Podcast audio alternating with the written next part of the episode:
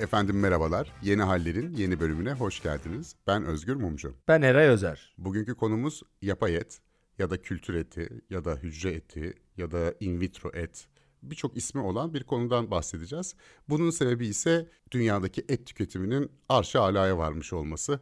Ne diyorsunuz Eray Bey? Et tüketimi konusunda dünyadaki bu gidişat sizi ilgilendiriyor mu? Yoksa çok umurumda değil ben yine köftemi yerim, hamburgerimi yerim diyor musunuz? Valla isterse ilgilendirmesin Özgür Bey. Yani konunun ne kadar dışında kalabilirsen o kadar kalmaya devam edebiliriz tabii ama bu böyle kulağının üstüne yatmak gibi bir şey olur. Çünkü mesele sadece et tüketmek değil. Hayvanların zaten katliama uğraması, katledilmesi işin bir yanı ve çok da dramatik bir yanı aslında bakmayın yani. Sürekli olarak et tüketen bir tür olarak aslında hem bir başka türe büyük bir zarar veriyoruz ama aynı zamanda da kendimize de çok büyük bir zarar veriyoruz. Biz Özgür Beyciğim bir yılda 65 milyar hayvan öldürüyoruz. Bunun içerisinde balığı, kuşu, kanatlısı, kanatsızı, büyükbaşı, küçükbaşı. Biz 7 milyarcık insanız ve 65 milyar hayvan öldürüyoruz bir yıl içerisinde sadece. Çiftliklerde beslediğimiz büyükbaş ve küçükbaş hayvanlar dünyadaki sera gazı salınımının %14,5'undan sorumlu. Bu hayvanların yarattığı, doğaya saldığı karbondioksit miktarı. Hatta şöyle bunu böyle rakama çevirerek yazmışlar. 7.1 trilyon kilogram karbondioksiti atmosfere salıyoruz çiftlik hayvancılığı nedeniyle bir yıl içerisinde. Ya böyle bir rakam 7.1 trilyon insanın gözünde bile canlanmıyor. Dolayısıyla ortada sıkıntılı bir durum var. Hem dünyayı kirletiyoruz hem de hayvanları katlediyoruz. 2050'de nüfusumuzun neredeyse 9.7 milyara çıkması, işte 10 milyara yakın 9.5 diyen var, 9 diyen var. Buralara gelmesi bekleniyor insanlık nüfusunun dünya üzerindeki ve et tüketiminin de en az iki kat bazı projeksiyonlara göre ise %73 artacağı söyleniyor. Yani 4'te 3 oranında. Dolayısıyla bu sürdürülebilir bir şey değil. 1 kilo et için 15 bin litre su harcayarak biz bu hayatı, bu dünyayı, bu gezegeni korumayı beceremeyeceğiz belli ki. O sebeple de bilim insanları yine çalışmaya başlamışlar. Neredeyse 100 yıldır. İşin o kısmını size bırakacağım. Nedir yapay et? Nedir laboratuvarda üretilen et? Laboratuvarda et üretince hayvanlara zarar vermemiş oluyor muyuz? Olmuyor muyuz? Buyurun efendim bize bir açıklayın şu işin aslını nedir ne değildir diye. Yani ben de senelerimi laboratuvar et konusuna vermişim gibi şimdi iddialarla çıkmayayım ama e, her programda olduğu gibi bunu da evvelinde gerekli çalışmaları elimden geldiğinde yapmaya çalıştım. Senin söylediğin istatistiklere ben de eriştim. Birleşmiş Milletler Gıda ve Tarım Örgütü e, FAO'nun yayınladığı raporlara göre karbon salımında sen %14 dedin orada %18'e kadar çıkartanlar da var. Kara kullanımını yani dünyadaki bütün kara kütlesini %30'unu et üretmek için kullanıyormuşuz. Su tüketiminin ise dünyadaki %8'i. Yani burada e, çevresel etkisi müthiş gerçekten ve 2050 senesinde senin de söylediğin üzere et tüketiminin iki katına çıkması bekleniyor. Özellikle Çin gibi, Hindistan gibi devletlerin ekonomilerinin büyümeleriyle birlikte. Yani oralarda da büyük eşitsizlikler olmakla beraber yine de bir görece bir zenginleşme olduğu söyleniyor. E bu çok sürdürülebilir bir durum değil. Bu sebeple de hem bütün dünyada ve ülkemizde artan bir veganlık akımı, işte vejeteryanlık devam ediyor. Ancak veganlardaki ve vejeteryanlardaki e, artışa rağmen dünyadaki et tüketiminin azalmayacağı ve neredeyse iki katına çıkacağı da açık. O zaman bu durumda ne yapacağız? İki farklı et çeşidinden bahsediliyor alternatif olarak. Birincisi besin değeri aynı olmamakla beraber e, yine et benzeri bir tat veren daha bitkisel kaynaklarla protein alınca bitkisel tabanlı et benzeri ürünler ki bunlar piyasada varlar. Yani vegan ya da vejeteryan dinleyicilerimiz zaten bunu gayet iyi biliyordur.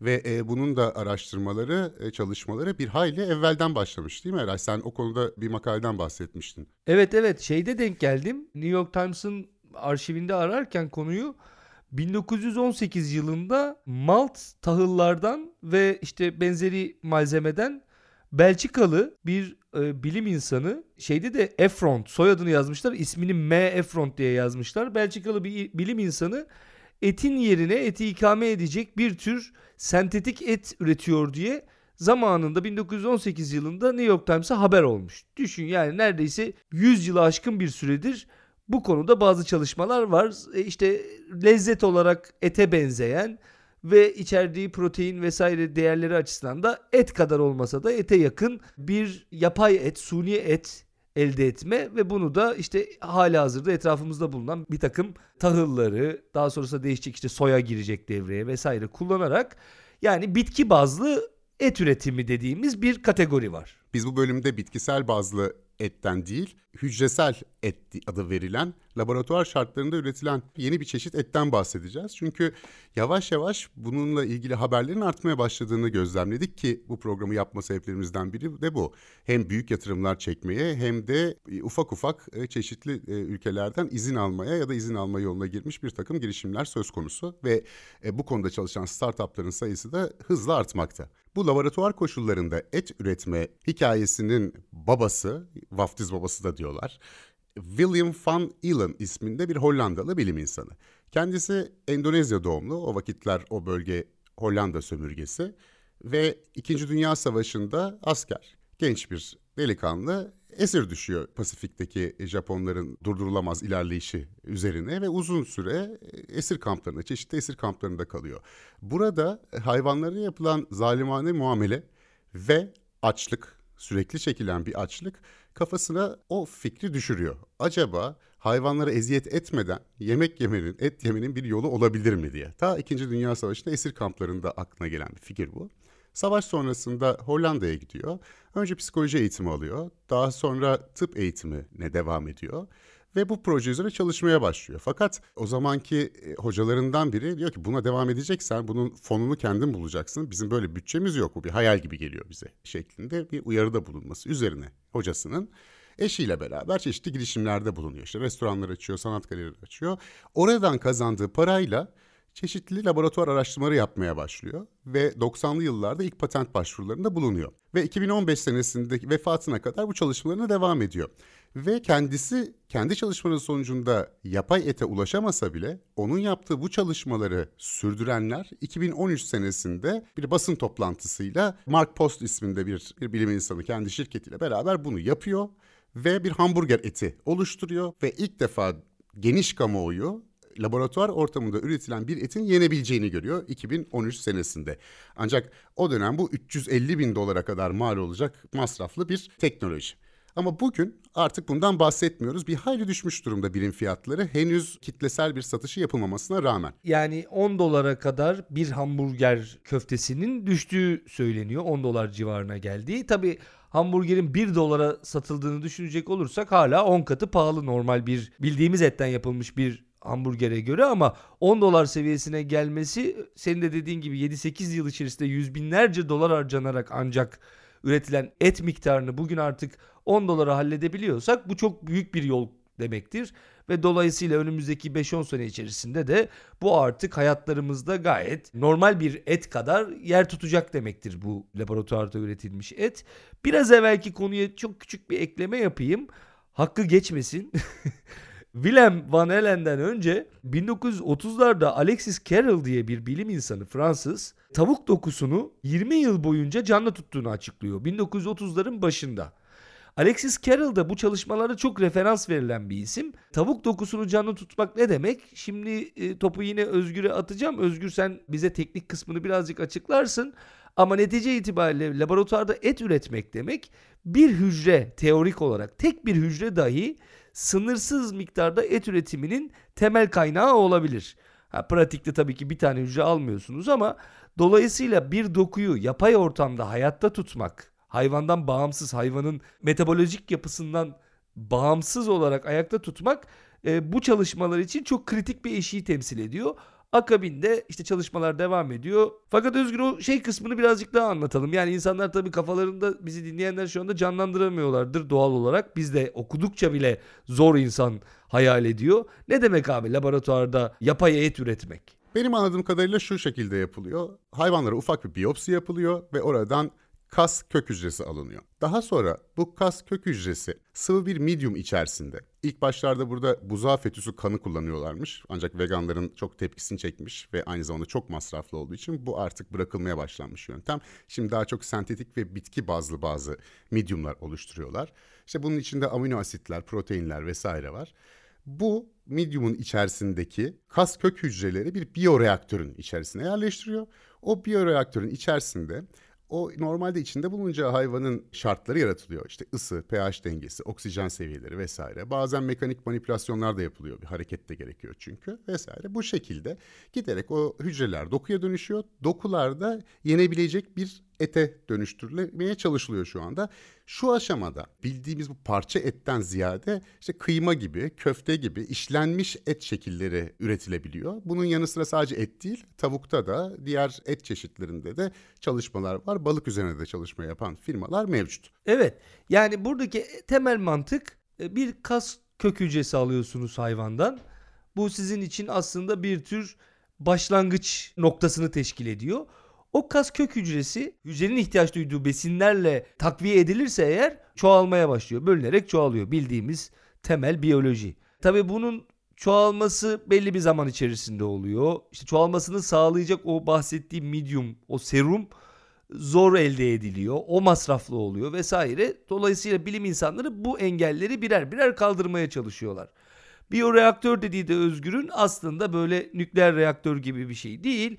İnsanların hedefte yani hayal edilen noktada insanların evine bile yerleştirilebilmesi düşünülen bu çok yakın bir gelecekte tabii ki olmayacaktır ama ne bileyim ben 2100'lerde filan e, insanların evinde bile olması düşünülen yani herkesin kendi etini üretmesi düşünülen böyle normalde devasa olanları da planlanıyor bu arada. Yani ben bir makalede okudum Özgür 25 bin litre ortalama diyor bir olimpik havuzun 100 katı büyüklüğünde reaktörler olacak. Bu reaktörler et üretecekler bu etler de şehirleri, kasabaları, köyleri doyuracak diye. Tabi burada soru şu acaba ürettiğimiz laboratuvar ortamında ürettiğimiz bu et gerçek ete benzeyecek mi? Yani bir şeyin et vasfına sahip olması bizim yediğimiz tüketmeye devam ettiğimiz et lezzetinde olup olmayacağını garantilemiyor. Bilmiyoruz. Dolayısıyla onunla ilgili çalışmalar da yapılıyor. Çünkü normal etin içerisinde bir takım deri var, yağ var, damarlar var, şunlar var, bunlar var, sinirler var. Dolayısıyla diğer tarafta yani bu yapay et üzerinde de bazı çalışmalar var ve bu ete bir doku, bir e, tekstür e, kazandırmaya çalışıyorlar. Bir lezzet kazandırmaya çalışıyorlar.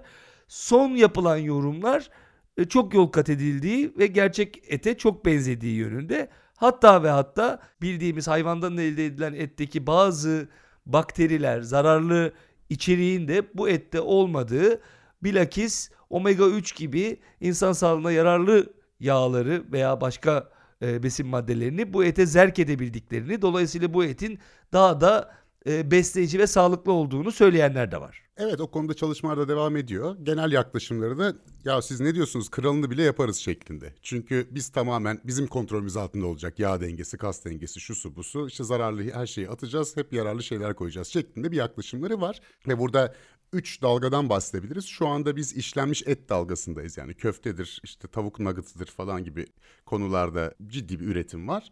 E, ikinci dalganın bu steak gibi işte bildiğimiz bifteğin, bonfilenin yapılacağı, parça etin geleceği bir dalgadan bahsediliyor. Üçüncü dalganın ise balık ve kabuklular gibi şu anda üzerinde daha az uğraşılan konularla geleceği tahmin edilmekte. Şöyle bir şey de e, fark ettim. Mesela dünyanın en büyük et üreticilerinden Tyson'ın e, CEO'su biz artık et değil protein şirketiyiz diyor.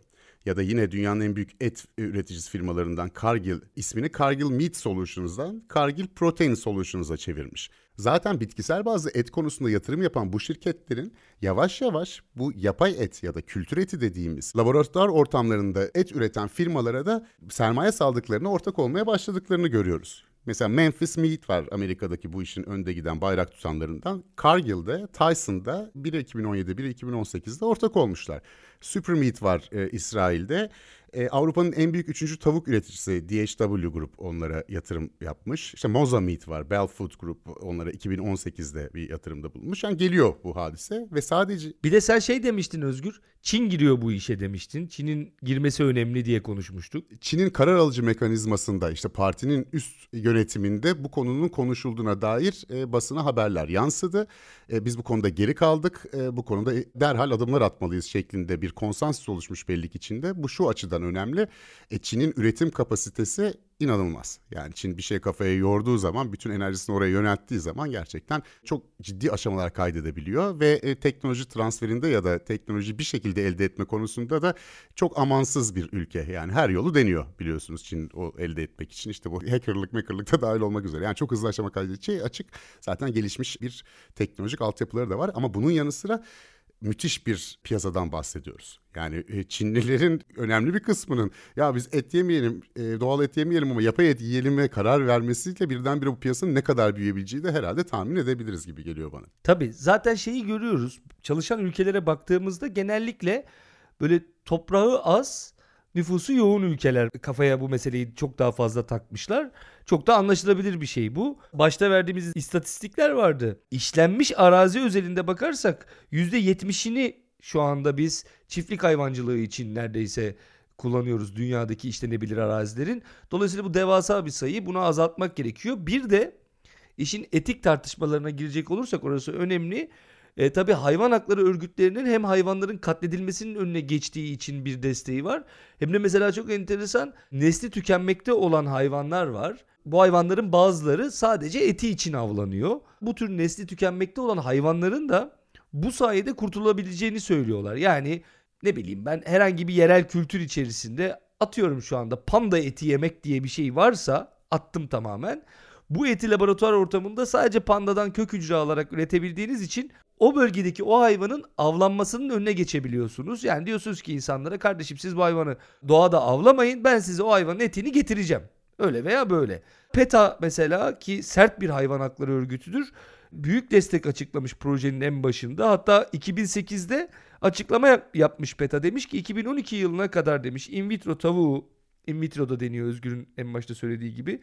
In vitro tavuğu demiş pazara sunan ilk şirkete 1 milyon dolar ödül vereceğiz. Tabi harcanan paraların yanında birazcık devede kulak gibi gözükebilir ama olsun. PETA da oradaki desteğini belli etmiş. İşin bir de böyle bir etik kısmı var. Yani çeşitli çevre örgütleri de bu projeye destek oluyorlar. Evet şimdi avantajlarından biraz daha bahsedelim. Ee, ilk başta söylemiştik küresel ısınmayı çok ciddi oranda azaltıyor. Bayağı ciddi çünkü yani yüzde 18'lere varan bir payı olduğunu düşünürsek. E, birdenbire neredeyse bu yani tamamı neredeyse ortadan kalkıyor. Tabii bunun için bu laboratuvar tesislerinin temiz enerjiyle desteklenmesi e, şart gibi. Yani eğer bunda da tabii kömürden gelen termik santralle o laboratuvarları işleteceksek e, karbon salınımı konusunda o zaman fazla bir e, yol kat edemeyiz. Ama bunu zaten temiz enerjiyle beraber e, ele alan projeler çok.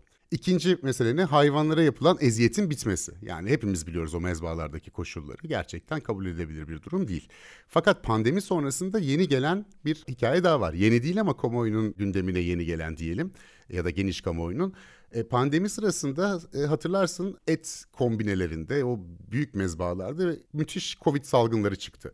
Çünkü hala insanlar orada etleri kendileri elleriyle parçalara ayırıp paketliyorlar ve o koşullarda işte omuz omuza yan yana çalıştıkları için o tesislerde birçok Covid vakası patladı. Bu sebeple sadece Amerika Birleşik Devletleri'nde 200'ün üzerinde bu et tesisi geçici olsa da kapanmak zorunda kaldı. Bunun da bütün et tüketiminin %36'sının düşmesine yol açtığı ortaya çıkıyor. Covid bizim göreceğimiz son salgın hastalık olmayacak. Bu devam edecek elbette. O zaman zaten bu şekilde eski usul et üretmenin her an sekteye uğrama ihtimali var. Bu %36 olur bir gün %80 olur yani vakaların şiddetine göre hastalığın durumuna göre. Aynı zamanda da e, bu koşullarda insanların çalışması da kabul edilemez bir durum. Gerçekten hiç iyi koşullarda çalışmıyorlar. Bu bana şunu hatırlattı. 1906 senesinde e, Amerikalı yazar Upton Sinclair The Jungle diye bir roman yazıyor ve bu romanda Amerika Birleşik Devletleri'nin o dönemindeki et endüstrisini konu alıyor ve bu kitabın yarattığı bilinçle Amerika Amerika Birleşik Devletleri çeşitli düzenlemeler getiriyor. Hem hijyen konusunda hem çalışma koşulları bakımından. Pandemi sonrasında da buna benzer bir bilinçlenmenin olduğundan da bahsediyorlar. Yani daha çok e, bu konudan bahsedilmeye başlanmasında zaten var olan bir şekilde gelen bir dalgaydı bu pandemideki bu mezbahaların başına gelenler de mezbahalarda olanlar da bu süreci hızlandırmış gibi gözüküyor. E şimdi sen anlatırken aklıma geldi Özgür. Egzotik hayvan tüketimi mesela. Yine biraz evvel söylediğim gibi nesli tükenen hayvanları laboratuvar ortamında etlerini üreterek böyle halka arz etmek bir çözüm olabilir diye. Bu egzotik hayvan tüketiminin de önüne geçilebilir mesela. Yani yok yarasa yedin, yok bilmem ne yedin filan gibi şeyleri. Yani çok meraklısı varsa ben Allah'ım yarasadan başka bir şey yiyemiyorum. Yem, yarasa yemediğim zaman böyle benim e, haftalık diyetim yerine oturmuyor filan diyen varsa onlar için de laboratuvar ortamında en azından bu tür virüsleri taşımayan et üretimi mümkün olabilir diye teorik olarak şu anda aklıma geldi. Yani salgınların bile yayılmasının, hayvandan insana geçen salgınların bile yayılmasının önüne geçebilir böyle bir proje. E, bundan zaten bahsediliyor. Yani e, bu zoonotik deniliyor, ya bu hayvandan bulaşan hastalıkları ki önemli bir kısmı hastalıkların yanılmıyorsam bu şekilde gerçekleşiyor. E, bulaşıcı hastalıklar e, özellikle. E, ve yani Wuhan'daki bir et pazarından çıktı e, şu andaki en önde gelen teori bu e, bu koronavirüs bakımından. E onları da engelleyebilir elbette. Yani avantajları çok e, şu anda bakıldığında. Tabii şöyle bir sorun var. Bu yenir mi? Yani insanlar bunu yiyebilecekler mi? Çünkü şimdi bana da laboratuvarda üretilmiş et desem yani tamam bir sürü avantajı var ama hani hiç et yemesem daha mı iyi acaba diye düşünür müyüm? Yoksa tadına mı bakar? Birisi yiyip de ya bu güzelmiş derse mi yerim? Yani çok emin değilim bu konuda. Sen ne diyorsun? Yer misin yani laboratuvar üretim bir eti? Evet ben yerim gibi düşünüyorum. Şöyle yiyenlerin yazdığı, çeşitli gazetecilerin yazdığı böyle makaleleri okudum. İlk başta ilk üretildiğinde birazcık sası böyle kuru e, olduğu söyleniyor. Dolayısıyla böyle ilk hali çok fazla tatmin etmemiş anladığım kadarıyla. Fakat daha sonra senin de söylediğin gibi bu yağ hücrelerini e, işin içine katarak yani onların da bir kültür ortamında yetişmesini sağlayarak ve bunları birleştirerek ideal tada yakın bir tat yakalanmış. Hatta ve hatta argüman o ki Aa, abi diyorlar o tat nedir ki biz da, çok daha ötesine geçeceğiz. Şundan da koyacağız içine bundan da koyacağız üretirken filan. Yani dolayısıyla aslında damakta da gusto açısından bakıldığında da mevcut etin e, lezzetinin ötesine geçileceğini söyleyenler var. Fakat tabii şöyle bir şey var. Fikri kötü. Yani hani laboratuvarda böyle bir, bir kutunun içerisinde işte o reaktör dedikleri sağa sola hareket ettirilip içine çeşitli enzimler sıkılmış bir eti tüketmek e, insana tabii çok iyi gelmiyor. Genetiği değiştirilmiş GDO'lu bir şey tüketiyormuş gibi geliyor bir takım güvenceler istiyor insan teorik olarak. Yani kafasının içerisinde şeyi istiyor. Yani kardeşim bu normal etten birebir aynısıdır. Herhangi bir şekilde işte genetiğiyle şuyla buyla oynanmamıştır vesaire gibi bir takım sağlık güvenceleri istiyor. Bütün bunlar karşılandığında Guardian bir anket yapmış. Çok yüksek %68'i ankete katılanların denerim. Yani deneyimlemek isterim demiş. Bir başka anket görmüştüm orada %50 civarıydı. Yani genel olarak insanlar e, yani e, olası bir kıtlıkla yaşamaktansa veya dünyada işte bu sera gazı etkisiyle dünyanın küresel ısınmayla sonunun gelmesindense bu eti denemeye sıcak bakıyor gibiler. Yani bu fast food bölümünde de görmüştük. Eğer sizin yediğiniz özellikle fast food zincirindeki hamburger köftesi ne bileyim onlarca belki yüzlerce ayrı hayvanın parçalarından birleşip yapılıyorsa hani ona nazaran daha sağlıklı bile olabilir gerçekten. Zaten yiyenler de var. 2 Aralık 2020 senesinde Singapur'da e, ilk defa 1880 isimli bir lokantada sadece tavuk ürünlerine özel olmak üzere satışına izin verildi. Singapur makamları 2 yıllık bir incelemeden sonra dünyada resmi olarak restoranlarda e, bu kültür etinin ya da yapay etin satışına izin veren ilk ülke oldu. Ki zaten söylemiştin işte yüz ölçümü küçük olan ülkelerin bu konuya daha fazla bir e, odaklanması söz konusu. Singapur'un da bu konuda izin veren ilk ülke olması şaşırtıcı değil. Eat Just isminde bir firma var. Şu anda hani bu işin Facebook'u Eat Just mı olacak Memphis Meat mi olacak diye bir tartışma da var. Hani ilk başlayan e, orada piyasayı hakim olur diye büyük yatırımlar da aldıkları için. Singapur'da açmış bir sene boyunca rezervasyonlar dolu. Ve benim okuyup izlediğim kadarıyla tavuklar da fena değilmiş galiba. Yiyenler mutlu gibi gözüküyor şu anda. Evet efendim ben bir de yerli firmadan bahsettiğim kapanmaya yakın. Bu konuyu araştırırken uluslararası makalelerde de karşımıza çıktı. Konuyla ilgili araştırmaların devam ettiği ülkeler arasında tabii ki Silikon Vadisi işte saydık Hollanda, Japonya, İsrail gibi ülkeler öne çıkıyor. Fakat bir makalede Türkiye'yi gördüm. Tabii öyle olunca merak ettim. Baktım Biftek Co diye bir şirket var bizde de. O şirkette tam da bu işte yani yapay et üretimi işinde çalışıyor. Önemli, ilginç. Türkiye'de genellikle bu tür girişimleri çok fazla görmeyiz ama bilim insanlarının da içinde olduğu bir grup belli ki bu konuyu ele almışlar ve Türkiye'de de çalışıyorlar. Onlar da yatırım istiyor. Hollanda'da mesela Özgür'ün söylediği 2013'teki Mark Post 2013'te ilk defa burgeri hazırlayıp servis eden Mark Post'a e, Google'ın kurucularından Sergey Brin destek veriyor, fonluyor o projeyi. Dolayısıyla burada büyük bir gelişme var efendim. Biz de takipte kalacağız. Sizler de takipte kalın derim ben. Kapanışı bu sefer önden ben yapayım. Son orkuluğu size bırakayım Özgür Bey. Yani yapay et üretimi fikri ilk başta bir iticilik taşısa da okudukça içim ısındı benim.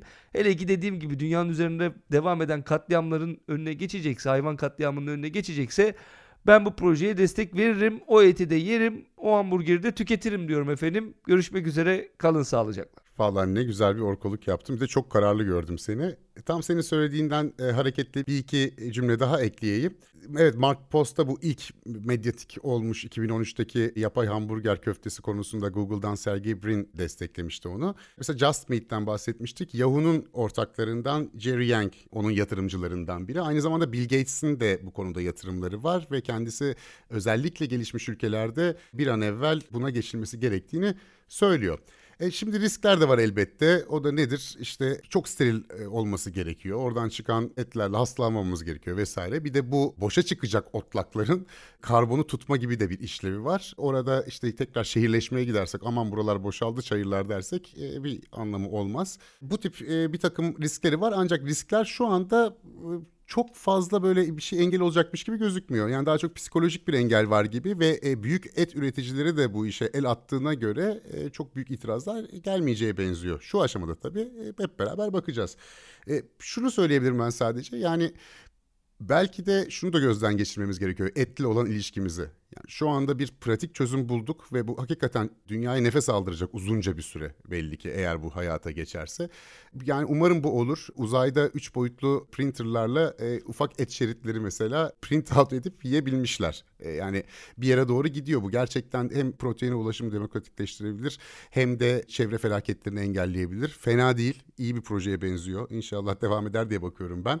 Ancak e, her şeyi ete odaklı olarak bakıyor olmamızda temel bir hata da var mı acaba diye de düşünmüyor değilim. E, bir de bunu sorgulayalım kendi kendimize diyerek ben de küçük bir orkoluk yaparak burada veda edeyim efendim. Esen kalın. Merhaba. Bu bölüm biterken size ufak bir notumuz var. Yeni hallere destek olmak, bültenimize, konuklu özel bölümlerimize ve köşe yazılarımıza erişmek için Patreon hesabımızı ziyaret edebilirsiniz. Hesaba ulaşmak için patreon.com adresine yeni haller yazıp aratmanız yeterli. Teşekkürler.